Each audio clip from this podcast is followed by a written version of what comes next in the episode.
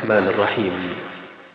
أيها الأحبة يسر تسجيلات التقوى الإسلامية بالرياض أن تقدم لكم هذه المادة والتي هي بعنوان القابضون على الجمر لفضيلة الشيخ محمد بن عبد الله الدويش.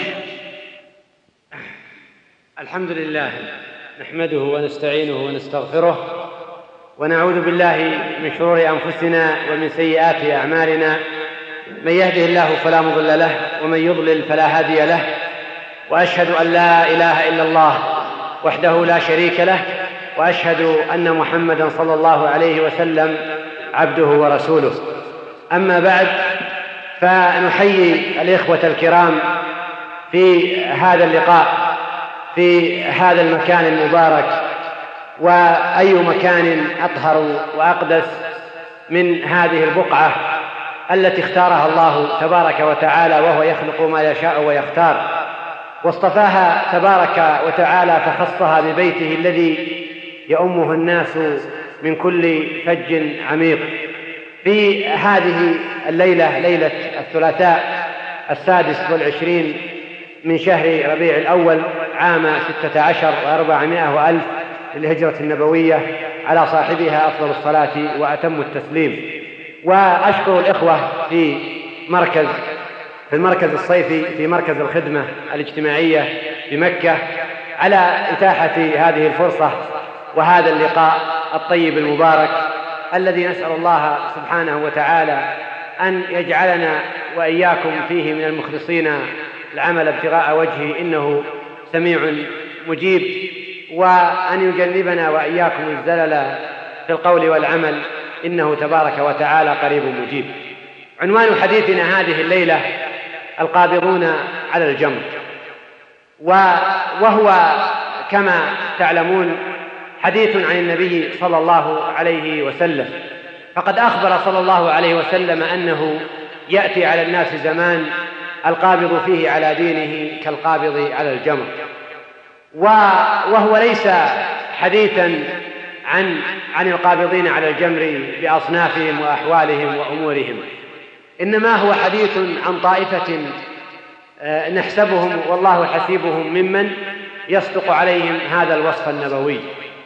لا لقد مرت الأمة بجهود للتغريب وجهود لسلخها عن دينها وإخراجها من عقيدتها.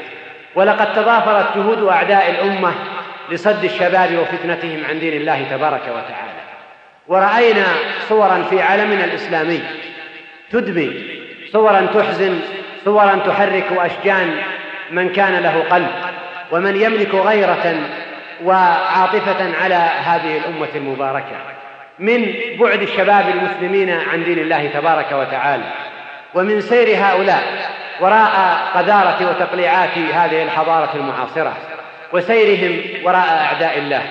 وفي وسط هذا الواقع المظلم البائس وفي وسط هذا الانحراف والبعد رأينا نماذج فذة ورأينا صورا إيجابية رأينا صورا لامعة من ذلكم الشباب المتدين الشباب الصالح المحافظ الذي أصبحنا نراه يتوافد على المساجد يتوافد على ما يدله على دين الله تبارك وتعالى من مجالس العلم ومجالس الخير والصحبة الصالحة. ورأيناه يأخذ طريقا غير طريق أقرانه وأترابه. وها هم هؤلاء الشباب أمام مرأى المسلمين وجمعهم. ها هم يلتزمون بأمر الله تبارك وتعالى. ويستقيمون على طاعة الله عز وجل في هذا العصر المائج المضطرب. فحديثنا هذه الليلة عن بعض الجوانب المشرقة من واقع هؤلاء القابضين على الجمر ولعل سائلا يتساءل ولماذا الحديث؟ لماذا الحديث عن الجوانب المشرقة؟ ولماذا الحديث عن الإيجابيات؟ الحديث عن هذا الموضوع له دوافع عدة. أولها أنه تثبيت لهؤلاء السائرين على هذا الطريق والذين قد يواجهون ما يواجهون فهم حين يشار لهم بما ميزهم الله به وخصهم به وحين آه، ترفع أمامهم هذه اللافتات إن هذا يزيدهم ثباتا ويزيدهم إصرارا في المضي على الطريق ويزيدهم عزيمة لأن يحتملوا ما يصيبهم آه، في هذا الطريق من اللأواء والنصب والنكد. ثانيا هذا الحديث دعوة لأولئك الذين لما يزالوا على بنيات الطريق دعوة لأولئك الذين لم يسلكوا هذا الطريق أولئك الذين لا زالوا يسيرون في ركاب الغفلة والبعد عن الله تبارك وتعالى. فنقول لهم ها هو الطريق وها هم هؤلاء قد سبقوكم فبادروا. فالميدان رحب واسع فسيح لا زال يتسع لكم ولأمثالكم. وأنتم آه، طالما سمعتم الدعوة من خلال الترهيب من هذا المسلك السيء الذي تسلكونه ومن خلال التحذير من مغبة هذا الطريق المعوج الذي تسيرون عليه. لكن ربما كان ذكر بعض الجوانب المشرقة من الطريق الآخر الذي ندعوكم إليه. الطريق الذي سلكه أقرانكم الذي سلكه أترابكم ووفقهم الله تبارك وتعالى. بل أكرمهم عز وجل بسلوكه إنكم حين تعرفون مزايا هذا الطريق وحين تعرفون الجوانب المشرقة وحين تعرفون تلك المنزلة التي يصلها أولئك الذين جانبوا الشهوات واللذات الذين هجروا اللهو واللعب وساروا في طريق الصالحين. إنكم حين تعرفون هذه الجوانب ربما كان هذا دافعا لكم. أن تسيروا وأن تلحقوا بالقافلة وأن تدركوا كما أن الخطر يتهددكم حين تمضون على هذا الطريق المظلم. حين تمضون على طريق الضلال كما أن الخطر يتهددكم حين تسيرون على هذا الطريق فإن الم... فإن الطريق الآخر أمامكم. مفروش بالأضواء. الطريق أمامكم. يدعوكم ويقول هلموا. فإن الطريق لا تزال تتسع لكم ولغيركم. ثالثا لا نزال نسمع الحديث الكثير عن النقد لبعض المظاهر السلبية. لواقع الشباب المتدينين والحديث عن بعض الأخطاء التي يقعون فيها وهو حديث لا شك أن الكثير منه يصدر بلغة النص بلغة النصح ومنطق الإشفاق على هؤلاء والهدف والرائد له الإصلاح والتغيير وأشعر أنني ممن يشارك أيضا في الحديث في هذا الأمر فقد تحدثت كثيرا عن بعض الجوانب وعن بعض الأخطاء والسلبيات التي ربما وقع فيها هؤلاء الشباب الأخيار. لا شك أن الكثير من هذا الحديث يصدر, يصدر بمنطق النصح ويدفعه الغيرة والإشفاق على واقع هؤلاء الشباب. لكننا نخشى يا شباب نخشى أنه حينما يكثر الحديث عن هذه الجوانب السلبية وحينما يكثر الحديث عن الأخطاء وهو وإن كان بمنطق النصح والإشفاق نخشى أن يحول الصورة لدينا إلى صورة سلبية وإلى صورة بائسة وأن نتصور أن الالتزام والاستقامة التي عليها هؤلاء الشباب أنها لا تعدو أن تكون سرابا ووهما وأنها قضية خادعة. إن هؤلاء الشباب يقعون في أخطاء في عبادتهم لله تبارك وتعالى ويقصرون. إنهم يقعون في المعاصي ويرتكبون طائفة منها. إنهم يقعون في أخطاء في دعوتهم إلى الله تبارك وتعالى. إنهم يقصرون في حقوق إخوانهم في حقوق أهلهم في هذا الجانب وذاك حتى لا تكاد ترى جانبا من الجوانب إلا وترى الحديث عن الأخطاء حوله. لا شك أن الحديث عن الأخطاء حين يكون رائده النصيحة ودافعه الغيرة والهدف من ورائه الإصلاح لا شك أنه أمر مطلوب. ولا يسوغ ولا يسوغ أن نلغي الحديث عن هذا الجانب. ولا شك أن الكثير ممن يتحدث في هذا الجانب إنما يتحدث حديث الناصح المشفق. لكننا نخشى حين تطول هذه اللغة وحين يرتفع هذا الصوت أن تتحول القضية إلى قضية سلبية وأن نشكك في أصل استقامة هؤلاء الشباب وفي حقيقة تدينهم والتزامهم وأن تحول القضية إلى قضية سلبية وأن تحول القضية إلى أنها سراب ووهم خادع. لذا كان لا بد من الحديث عن الجانب الآخر حتى لا نغلو في هذا الجانب وهذا الميدان. والدافع الرابع أيها الإخوة للحديث حول هذا الموضوع هو الدعوة للناس للمسلمين آه، سائر المسلمين أن يدركوا موقع هؤلاء.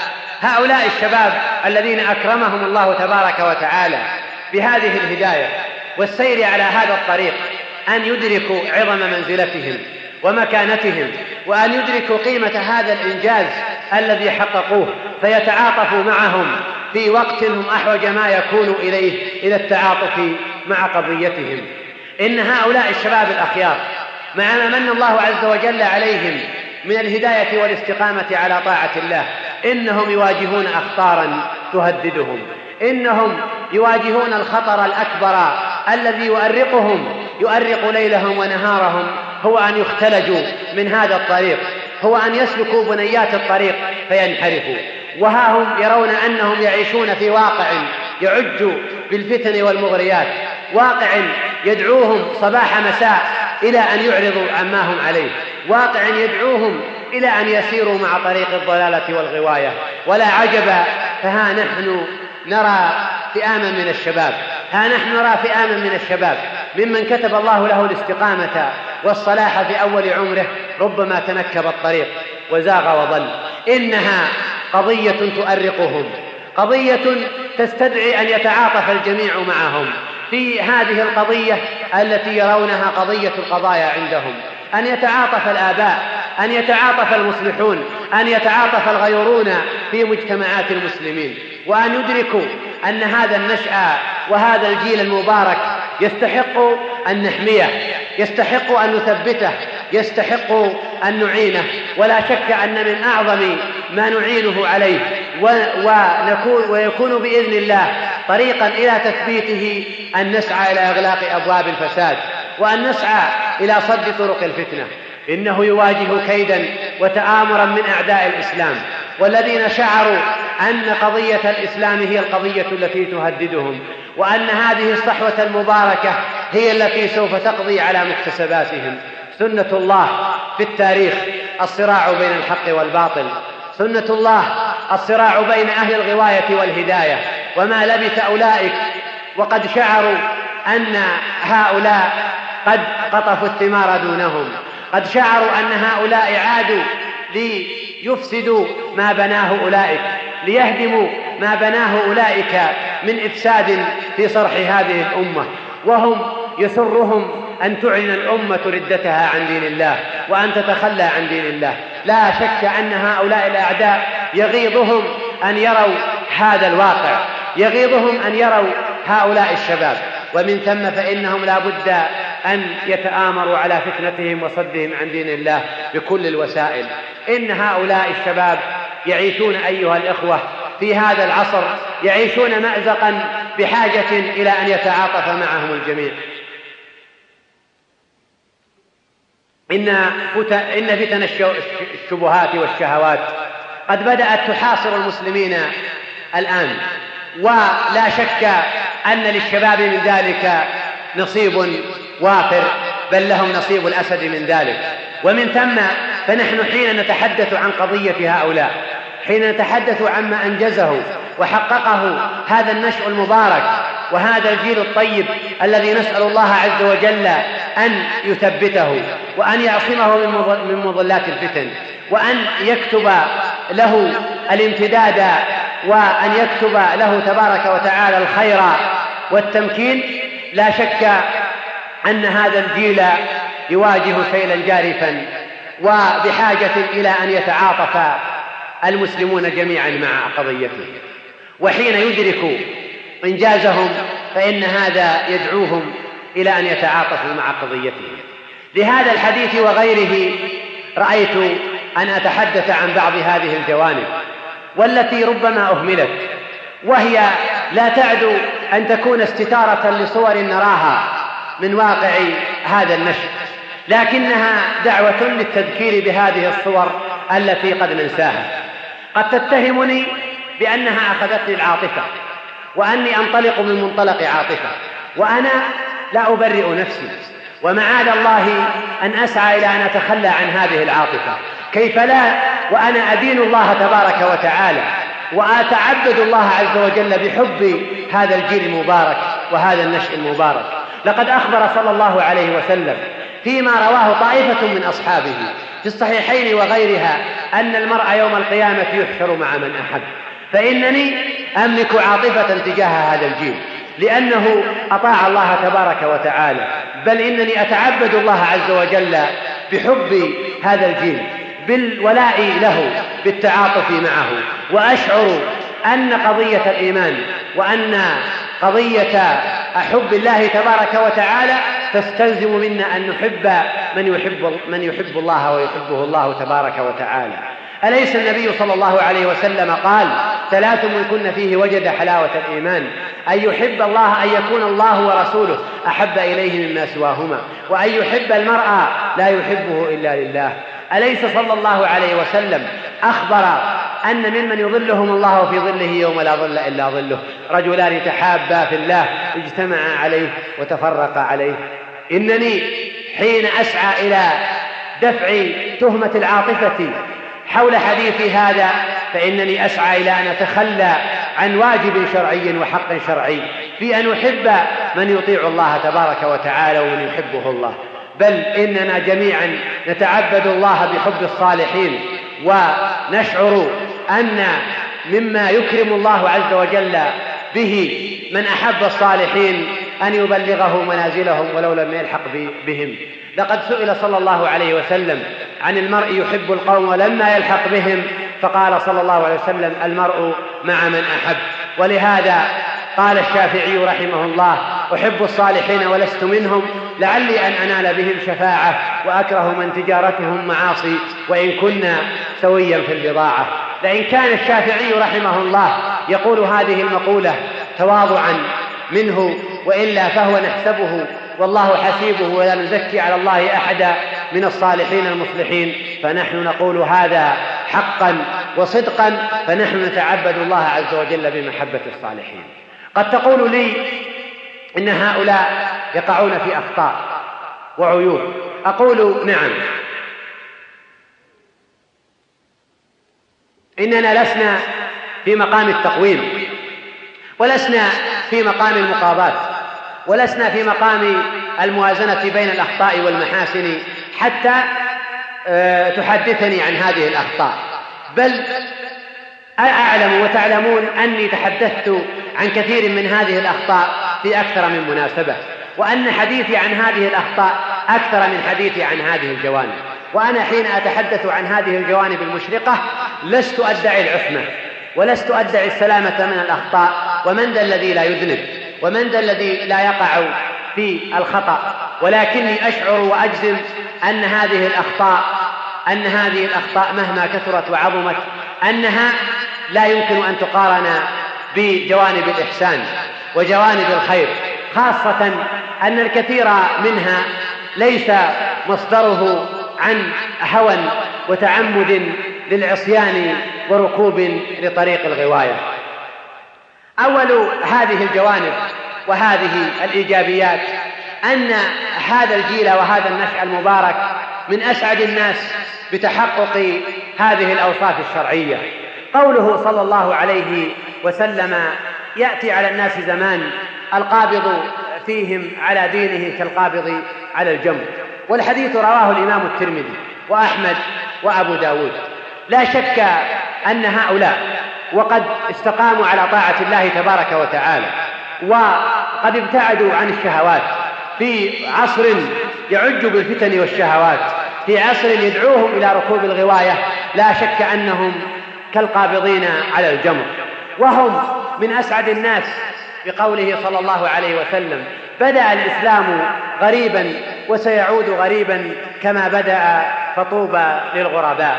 وفسر النبي صلى الله عليه وسلم الغرباء بأنهم الذين يصلحون إذا فسد الناس وأنهم أناس صالحون في أناس سوء كثير من يعصيهم أكثر ممن يطيعهم.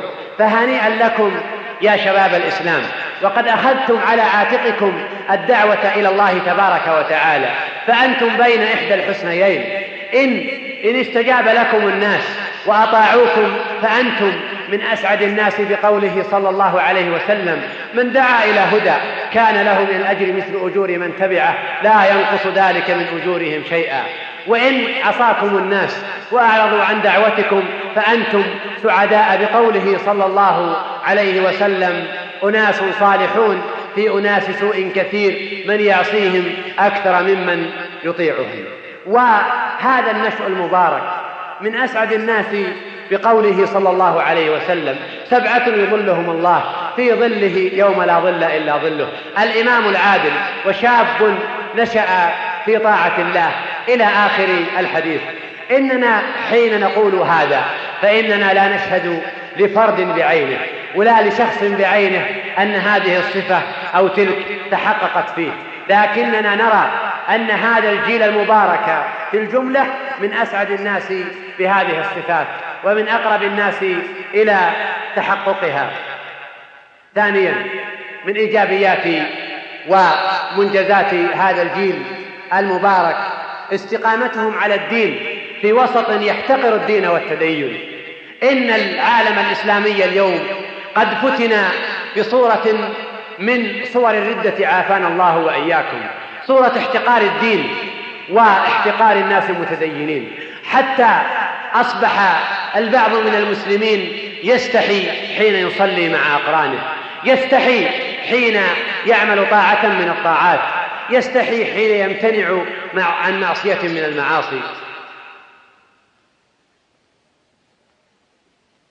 ولا إن تفاوتت الدرجات أو الدركات حول هذه الخطيئة التي عمت في بلاد المسلمين فإن مجتمعات المسلمين تشترك في أن لها نصيب وافر من احتقار الدين وأهل الديانة والتدين ووصفهم بأقبح الأوصاف وأحطها واتهامهم بهذه التهم ومع ذلك يسير هؤلاء الشباب ويستقيمون على طاعة الله تبارك وتعالى ويحتملون ما يواجهونه من احتقار الناس ولعلهم من أسعد الناس بقول الله تبارك وتعالى إنه كان فريق من عبادي يقولون ربنا آمنا فاغفر لنا وارحمنا وأنت خير الراحمين فاتخذتموهم سخريا حتى أنسوكم ذكري وكنتم منهم تضحكون إني جزيتهم اليوم بما صبروا أنهم هم الفائزون.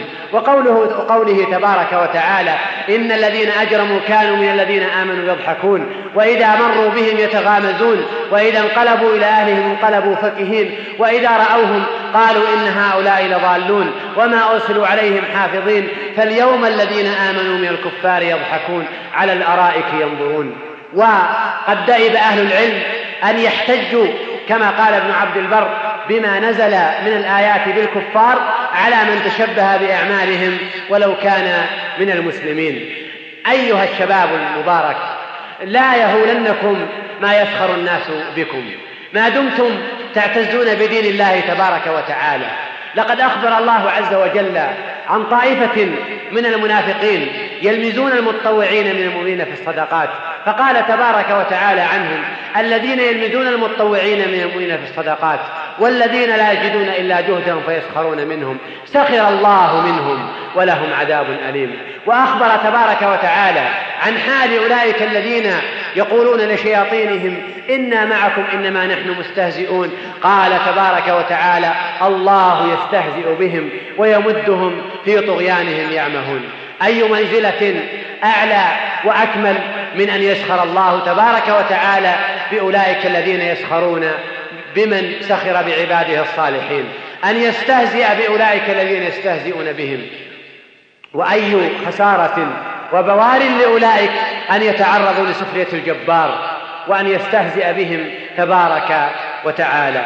إن استقامة هؤلاء الشباب وثباتهم في هذا الوسط الذي يحتقر الدين والمتدينين الذي يعتبر من صفات القصور والنقص في المرء أن يكون متدينا إن هذا من أعظم الإيجابيات ومن أعظم جوانب الإنجاز التي حققها هؤلاء. ثالثا من منجزات هؤلاء انتصارهم على شهواتهم. في وسط مجتمع يعج بالفتن والشهوات. إنها قضية أيها الإخوة ليست بحاجة إلى تمثيل ليست بحاجة إلى بيان. وأنتم جميعا لستم بحاجة إلى أن أثير أشجانكم إلى أن أذكركم بما تعج به مجتمعات المسلمين من مظاهر الإغراء والرذيلة من تلك المظاهر التي تدعو الشباب وتدعو الفتيات إلى مواقعة الرذيلة إلى الفساد. حتى صارت الرذيلة تلاحق الشاب وتلاحق الفتاة في الشارع وفي السوق بل في منزله. هنا وهناك صارت هذه الصورة الفاتنة. صار مشهد الرذيلة يلاحقه في كل مكان ومع ذلك يثبت هؤلاء الشباب ومع ذلك ينتصرون على شهواتهم ويسيرون في طريق العفة ومع ذلك تنتصر تنتصر الفتيات وينتصر الشباب على هذه الدواعي والدوافع بإذن الله وتوفيق الله تبارك وتعالى. إن هذا وحده كاف إن هذا وحده كاف في أن نتجاوز كل ما يقع فيه هؤلاء من تقصير في مقابل ما استطاع هؤلاء أن يحققوه. في وسط فتن تؤزهم إلى الفساد أزا وتدعوهم إلى الفساد بكل وسائله وصوره وألوانه. الميزة الرابعة والجانب الرابع هو أن هذا النشأ المبارك قد أحيا سنة حفظ كتاب الله تبارك وتعالى. قضية لا ينكرها أحد. لقد كنا قبل سنوات في مجتمعنا يندر أن نرى إماما يصلي بالناس وهو حافظ لكتاب الله تبارك وتعالى. فضلا عن أن نجد شابا حافظا لكتاب الله. حتى صار يقال إن في بني فلان شاب أو رجل يحفظ كتاب الله تبارك وتعالى. بل إنه كان من النادر أن تجد من يتقن تلاوة كتاب الله عز وجل ولو كان المصحف بين يديه. أما الآن فها نحن نرى هذا الجيل المبارك. ها نحن نراه يتوافد ويقبل على كتاب الله تبارك وتعالى. وها نحن نرى هؤلاء الشباب قد أقبلوا على حفظ كتاب الله تبارك وتعالى. ونرى العديد من هؤلاء. مع ما ينشغل به من مشاغل من الانشغال بالدعوة إلى الله تبارك وتعالى من الانشغال بدراسته من الانشغال بمصالح نفسه ومصالح أهله. مع ذلك نجد العديد بل المئات من الشباب والفتيات قد اتموا حفظ كتاب الله تبارك وتعالى. بل أصبحت وبحمد الله أصبحت لا تكاد ترى شابا من هؤلاء الشباب المتدينين إلا وقد بدأ في حفظ كتاب الله عز وجل وشرع فيه. حتى أولئك الذين قعدت بهم ضعف همتهم وقعد بهم كسلهم وفتورهم لا نزال نراهم يتساءلون ويتطلعون بلهف وشوق إلى أن يحفظوا كتاب الله عز وجل. وها نحن نراهم يتساءلون في كل مناسبة كيف أحفظ كتاب الله؟ ما الطريق إلى حفظ كتاب الله عز وجل؟ وهي صوره أوضح وأظهر من أن نشيد بها وأن نتحدث عنها.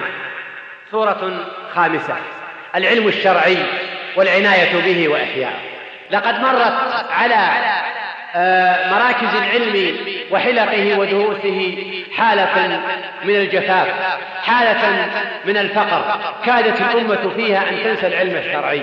فما لبث هؤلاء الشباب وما لبث هذا الجيل المبارك أن يقبل ويتوافد على حلق العلم وأن يحييها. إذا أردت مصداق ذلك فاذهب يمنة ويسرى. وتأمل في حلق العلم. من هم روادها؟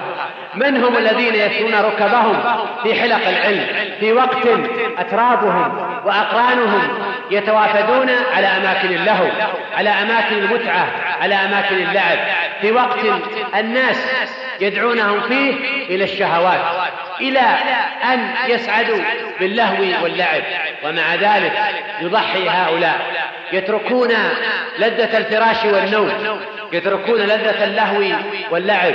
ويثنون ركابهم أمام المشايخ وأمام حلق العلم. يتعلمون العلم. بل يقطعون المسافات. وها نحن نرى بحمد الله الدراسات الشرعية والكليات الشرعية. ها نحن نرى نراها تشهد إقبالا واسعا إقبالا منقطع النظير من هذا الجيل. بعد أن مرت بالأمة مرحلة يستحي الطالب فيها أن يقول إنه يدرس في كلية شرعية. بعد أن مرت مرحلة كان يرى المسلمون وللأسف أنه من العيب ومن النقص في الشاب أن يدع سائر التخصصات ويقبل على العلم الشرعي. إن رواج حلق العلم وقيام سوق التخصصات الشرعية في الجامعات في مشرق العالم الإسلامي ومغربه ورواج الكتاب الإسلامي وانتشاره.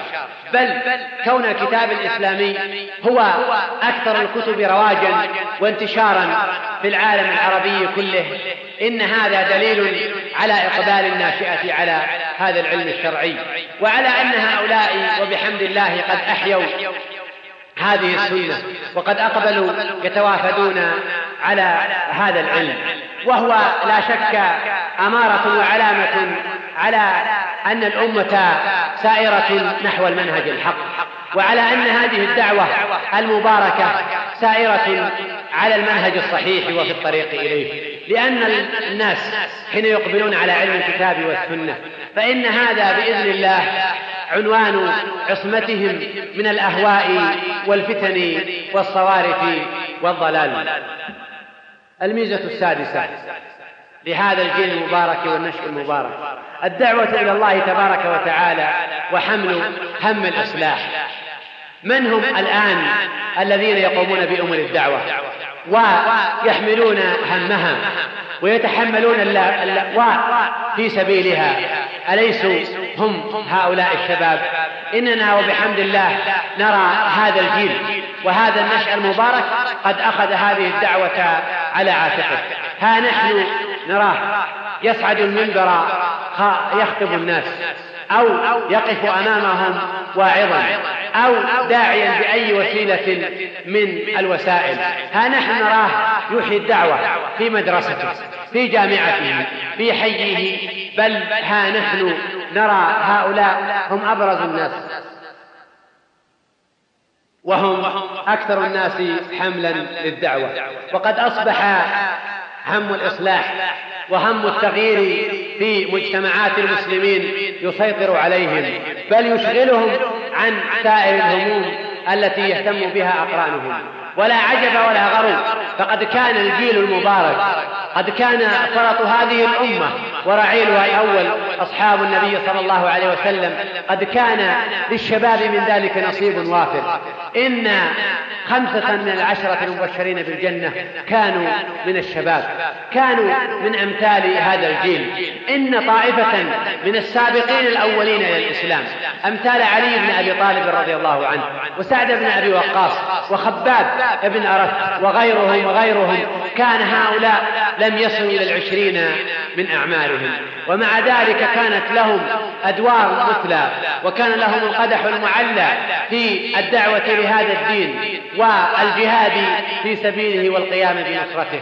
ولهذا لا غرو أن نجد هذا الجيل وهذا النشأ المبارك يحيي سنة أسلافه. ومن تشبه بقوم فهو منهم. ومن سار على طريق أولئك فهذا بإذن الله حري وجدير به أن يحشره الله تبارك وتعالى معهم. فالمرء يحشر يوم القيامة مع من أحب. الميزة السابعة والجانب السابع مساهمة الكثير من هؤلاء الشباب والفتيات في إصلاح بيوتهم. كم هي البيوت أيها الإخوة التي صلحت بإذن الله تبارك وتعالى بسبب دعوة شاب ربما لم يبلغ الحلم بل ربما لم يجاوز العشرين من عمره. كم هي البيوت التي صلحت بسبب شاب أو فتاة من الفتيات؟ كم هم من الآباء والأمهات الذين أصلحهم الله تبارك وتعالى واستقاموا وتغيرت هذه البيوت فزالت منها المنكرات واستقامت على طاعة الله تبارك وتعالى بسبب جهد شاب صالح أو فتاة صالحة من هذا النشر وهذا الجيل المبارك.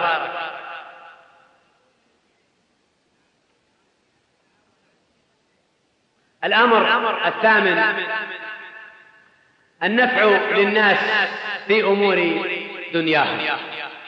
إن هذا الجيل المبارك من الشباب والفتيات الصالحين قد أخذ على عاتقه حمل قضية الدعوة والإصلاح. وقد شعر أن قضية الناس الكبرى والأساس هي القضية التي خلقوا من أجلها لعبادة الله تبارك وتعالى. وما خلقت الجن والإنس إلا ليعبدون. وشعر أن أعظم خير ونفع يقدمه للناس هو أن يدعوهم إلى عبادة الله تبارك وتعالى هو أن يدعوهم إلى طاعة الله تبارك وتعالى ولهذا أخذ على عاتقه هذا الهم ومع ذلك لم يكن ذلك مشغلا له عن أن يقوم بالواجب الآخر أن ينفع الناس في أمور دنياهم وهو أمر ظاهر بحمد الله من هم الذين يتصدرون للإحسان إلى المحتاجين للإحسان إلى الفقراء. من هم الذين يقومون ويسهرون على المضرات؟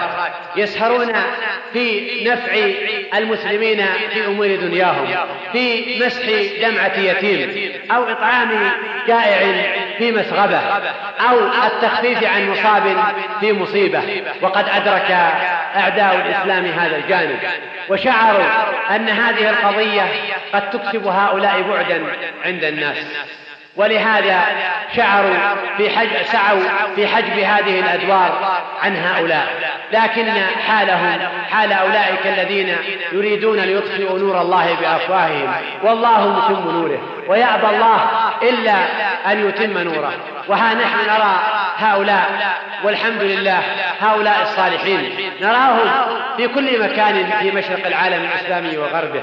حين تلم بالمسلمين كارثة أو تصيبهم مصيبة ها نحن نراهم يبادرون لنجدة إخوانهم ونصرتهم ولمسح الدمعة عنهم.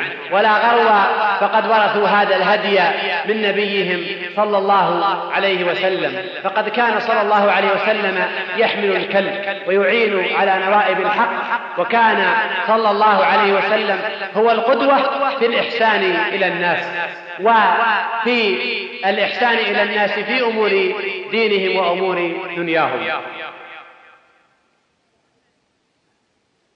تاسعا مما حققه هذا الجيل المبارك من الشباب الصالحين والفتيات الصالحات. التفوق في سائر مجالات الحياة المختلفة.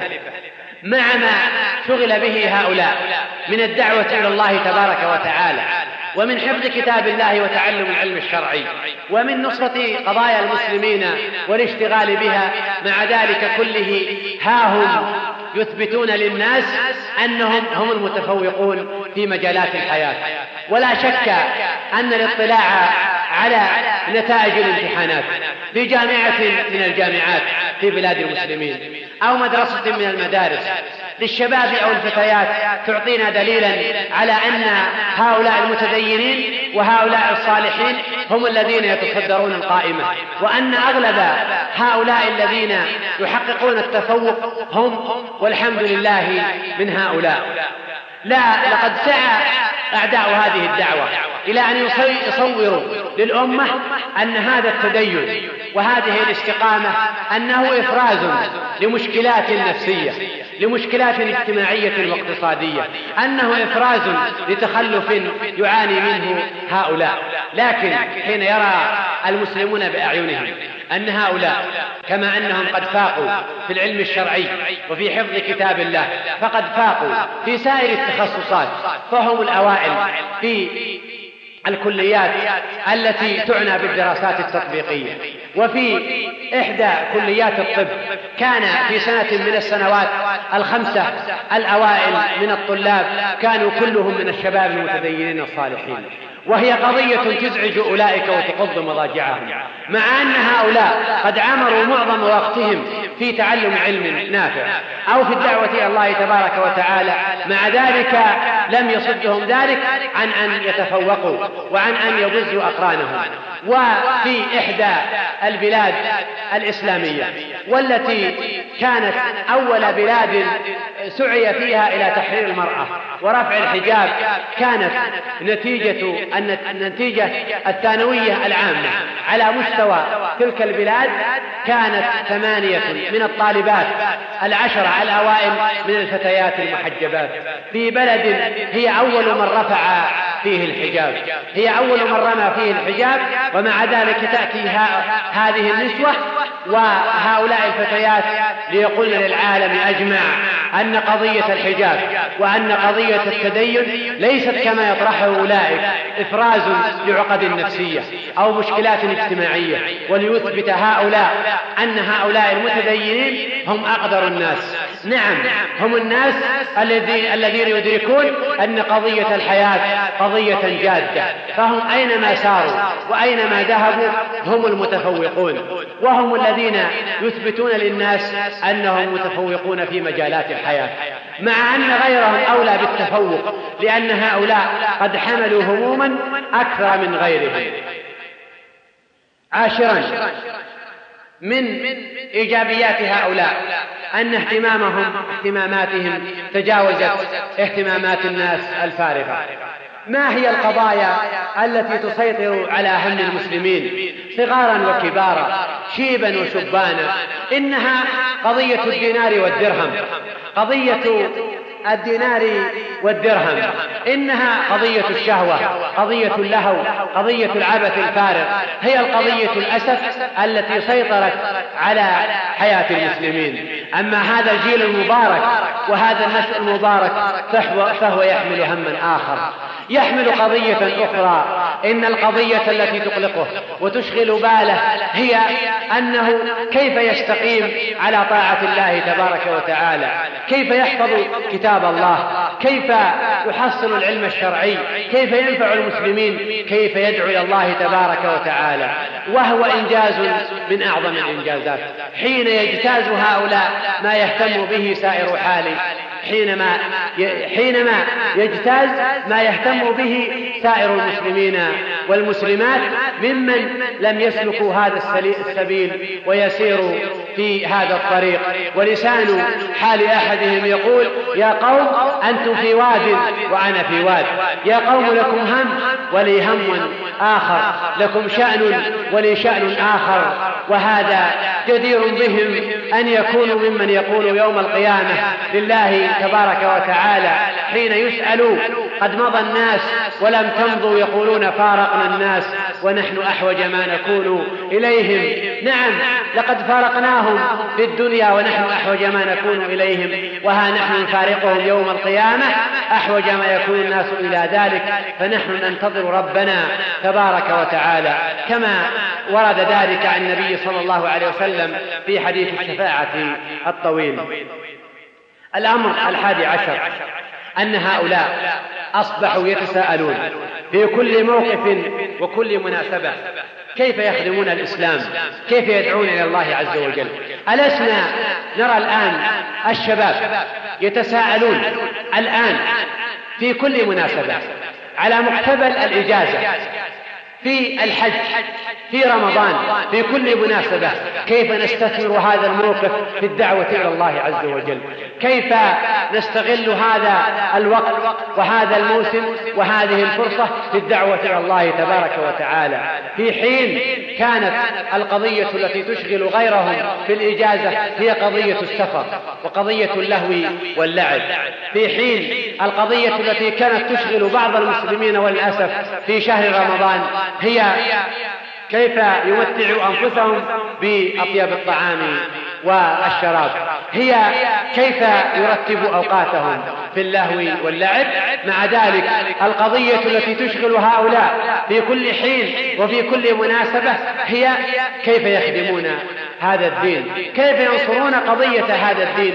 كيف يدعون إلى الله عز وجل في كل مناسبة وكل حين. ولهم أسوة بنبيهم صلى الله عليه وسلم. الذي كان لا يدع قضية من القضايا وبابا من الأبواب وميدانا من الميادين إلا ونشر فيه علما. ودعا فيه إلى الله تبارك وتعالى. أليس صلى الله عليه وسلم يأتي في موقف ربما لا يزيد أثره على الناس أن يستثير بعض عواطف الأمومة والأبوة نحوهم؟ فيرى صلى الله عليه وسلم امرأة تأخذ طفلا من السبي فتضمه إلى صدرها فيستوقف أصحابه صلى الله عليه وسلم. ويقول أترون هذه طارحة ولدها في النار؟ فيقولون لا. فيقول لله أرحم بهذه من ولدها. أو يقول والله لا يلقي حبيبه في النار. نعم لقد كانت قضية الدعوة وقضية التعليم قضية تشغل النبي صلى الله عليه وسلم وكان يستثمر كل هذه الفرص ولهذا أخذ هذا النشء المبارك وهذا الجيل المبارك هذا الهدي منه صلى الله عليه وسلم. فصارت قضيته وصار سؤاله في كل وقت وكل مناسبة كيف يستثمر هذا الوقت وكيف يستثمر هذا الموقف في الدعوة لدين الله تبارك وتعالى؟ الأمر الثاني عشر أن هذا الجيل من الشباب أحيا سنة كادت الأمة أن تنساها ألا وهي سنة الجهاد في سبيل الله تبارك وتعالى. إن تجربة الجهاد الأفغاني تجربة قريبة وتجربة لم ولن تنساها الأمة. في وقت كادت الأمة أن تنسى الجهاد كادت أن تنسى هذه الفريضة. بل للأسف لقد كان بعض من يتصدر للتعليم وتدريس الناس الفقه يقفز باب الجهاد حين يصل إليه لأنه قد نسيته الأمة. وحين قام هذا الجهاد في تلك البلاد. وفتح الميدان. رأينا الشباب.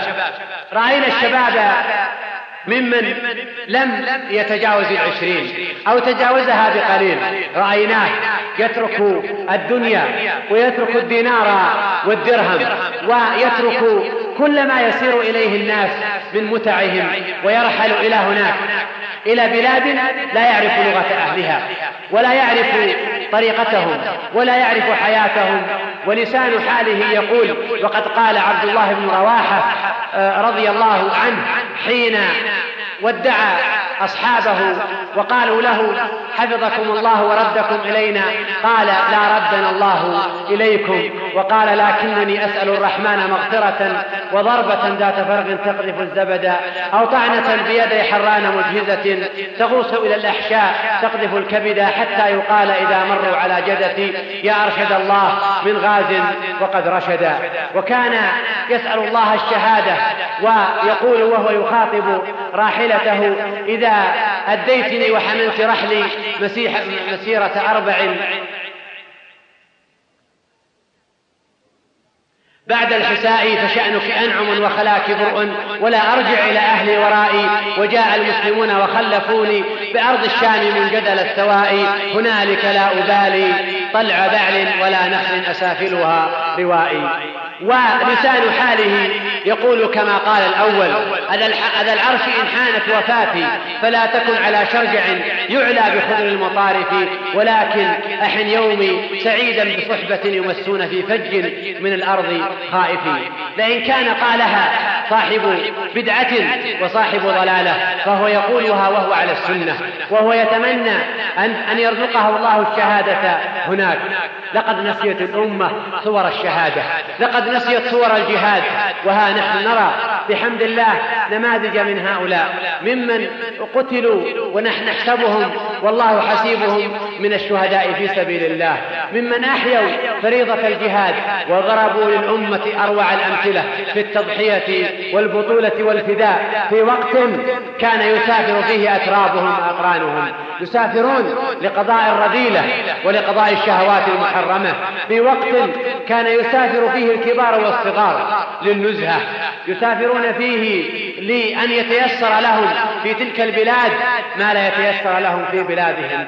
أما هؤلاء فلهم شأن آخر وقضية أخرى وحياة أخرى. وأولئك الذين لم تكتحل أعينهم برؤية ميدان الجهاد ولم تتشنف أسماعهم بسماع صوت الجهاد كما كان أحدهم يتغنى لا شيء يشفيني ويطرب مسمعي كأزيز رشاشي وصولة مدفعي.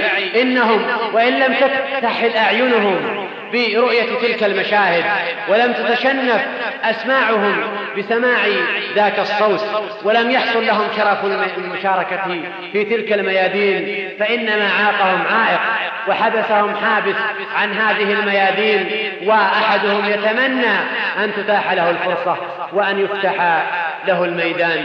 أليست صورة تستحق الإشادة؟ أليست صورة تستحق أن نحفل بها وأن نشعر أنها وبحمد الله من منجزات جيلنا المبارك. وكما قال صلى الله عليه وسلم من خير معاش الناس لهم في دينهم ودنياهم رجل آخذ بعنان فرسه على سبيل في سبيل الله. كلما سمع هيعة طار يبتغي القتل والموت مضانه الأمر الثالث عشر. أن هؤلاء قد أحيوا سنة الأخوة في الله تبارك وتعالى بعد أن كادت الأمة أن تنساها. لقد كانت الأمة أن تنسى الحب في الله والأخوة في الله فجاء هذا النشأ المبارك ليحيي معاني هذه الأخوة. وليتأسى بنبيه صلى الله عليه وسلم والجيل المبارك الذين تآخوا على غير أرحام بينهم ولعل هؤلاء من أسعد الناس بقوله صلى الله عليه وسلم رجلان تحابا في الله اجتمعا عليه وتفرقا عليه مما حدا بشاعر هذه أحد شعراء هذه الصحوة أن يستبشر يستبشر حين رأى هذا الأمل. الله أكبر إن عيني قد رأت نورا بآفاق السماء يتلالى فلعله فجر الأخوة قد بدا يحيي النفوس ويبعث الآمال ويميط عن هذه القلوب هوانها فتروح ترسل روحها إرسالا. الأمر الرابع عشر موقف هؤلاء من المعاصي. إن هؤلاء شأنهم شأن سائر المسلمين. قد يقعون في المعصية وقد يواقعون الذنب. ومن هو الذي لا يقع في الذنب ولا المعصية؟ لو لم تذنبوا لذهب الله بكم وأتى بقوم يذنبون فيستغفرون الله فيغفر لهم. وكل ابن آدم خطاء وخير الخطائين التوابون كما قال صلى الله عليه وسلم. إن هؤلاء وإن وقع أحدهم في المعصية إلا أن حالهم مع المعصية ليست كحال سائر المسلمين. إن أحدهم ما يلبث أن يبادر للتوبة إلى الله تبارك وتعالى والإقلاع. ولعله بهذا من أسعد الناس بقوله تبارك وتعالى إن الذين اتقوا إذا مسهم طائف من الشيطان تذكروا فإذا هم مبصرون وإخوانهم يمدونهم في الغي ثم لا يقصرون. وبقوله تبارك وتعالى وسارعوا إلى مغفرة من جن إلى مغفرة من ربكم وجنة عرضها السماوات والأرض. ثم ذكر تبارك وتعالى في صفة هؤلاء أنهم إذا فعلوا فاحشة أو ظلموا أنفسهم ذكروا الله فاستغفروا لذنوبهم ومن يغفر الذنوب إلا الله في حين يصر غيرهم على هذه المعاصي. وهم لو وقعوا في المعصية فإن أحدهم يستعظم المعصية وتعظم عنده كما قال ابن مسعود رضي الله عنه إن المؤمن يرى المعصية يرى معصيته كالجبل يوشك أن يرى ذنبه كالجبل يوشك أن يقع عليه. وإن المنافق يرى ذنبه كذباب طار على أنفه فقال به هكذا. كم يستهين الكثير من المسلمين بالنظر الحرام بل يستنكر حين ينكر عليه هذا الأمر. كم يستهينون بالكبائر والفواحش. أما هذا الجيل فإنك تراه حين تقع منه نظرة أو حين يقع في معصية فإنه يستعظمها ويقبل على الله عز وجل مستغفرا تائبا ويشعر أن هذه القضية تكاد وتوشك أن توبقه. وهم أيضا لو وقعوا في المعصية فإنهم إنما يقعون في المعصية وقوعا عارضا إنهم لا يسعون إلى المعصية لا يبحثون عنها لا يفتشون عنها لا يفرحون بها لكنها قد قد يواقع احدهم المعصية. يواقعه وقد غلبته شهوة وقد غلبه هوى ولعله أسعد الناس بما قاله ابن القيم رحمه الله. وهو من أعلم الناس بأمراض القلوب. قال كما قال في مدارج السالكين. يقول إن الله تبارك وتعالى إنما يغفر للعبد إذا كانت مواقعة الذنب منه على وجه غلبة الشهوة والهوى. فإذا واقع الذنب واقعه مواقعه دليل خائف. مختلج في ذنبه في قلبه شهوة الذنب وخوف الله تبارك وتعالى.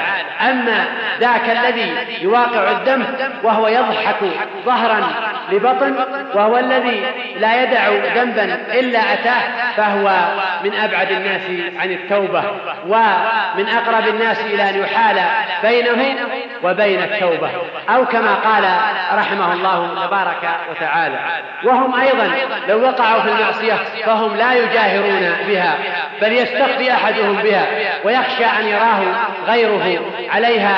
ولا شك أن هذا بإذن الله دليل خير. فكما قال صلى الله عليه وسلم كل أمتي معافى إلا المجاهرين. ولعله أن ينطبق عليه قوله صلى الله عليه وسلم في حديث النجوى إن الله يدني عبده المؤمن ويضع عليه كنفه ويقرره بذنوبه فيقول تذكر ذنب كذا وكذا تذكر ذنب كذا وكذا حتى إذا ظن أنه قد هلك قال أنا سترتها عليك في الدنيا وأنا أغفرها لك اليوم. وأما الفاجر أو الكافر فينادى بذنوبه على رؤوس الخلائق. أيها الإخوة إن هذا الحديث ليس شهادة عصمة وليست مناداة بالبراءة من الخطأ والزلل والذنب على هذا الجيل وليس تزكية. وليس دعوة إلى أن ننسى الأخطاء والسلبيات. لكن لما سبق أن أشرت في أول حديثي حيث أننا أصبحنا ربما لا نسمع الحديث عن هذا الجيل إلا حديث النقد وحديث الأخطاء. ربما كان هذا مدعاة أن ينسينا بعض هذه الجوانب المشرقة. فأحببنا أن, أن نستثيرها في أذهانكم. أحببنا أن نذكركم بها وهو لا يعني كما قلت شهادة براءة وهو لا يعني الدفاع عن الأخطاء والسلبيات فمن ذا الذي ترضى سجاياه كلها كفى المرء نبلا أن تعد معايبه. أسأل الله تبارك وتعالى أن يجعلنا وإياكم ممن نشأ في طاعة الله تبارك وتعالى. وأسأله تبارك وتعالى أن يجعلنا وإياكم من الغرباء الذين يصلحون إذا فسد الناس وأن يجعلنا وإياكم ممن يقبض على دينه ويكون كالقابض على الجمر. هذا والله أعلم وصلى الله وسلم على نبينا محمد. وسبحان الله وبحمده. سبحانك اللهم وبحمدك. أشهد أن لا إله إلا أنت. أستغفرك وأتوب إليك. أيها الإخوة بموجب فهرس تسجيلات التقوى فإن رقم هذا الشريط هو أحد عشر ألفا وثلاثمائة وثمانون.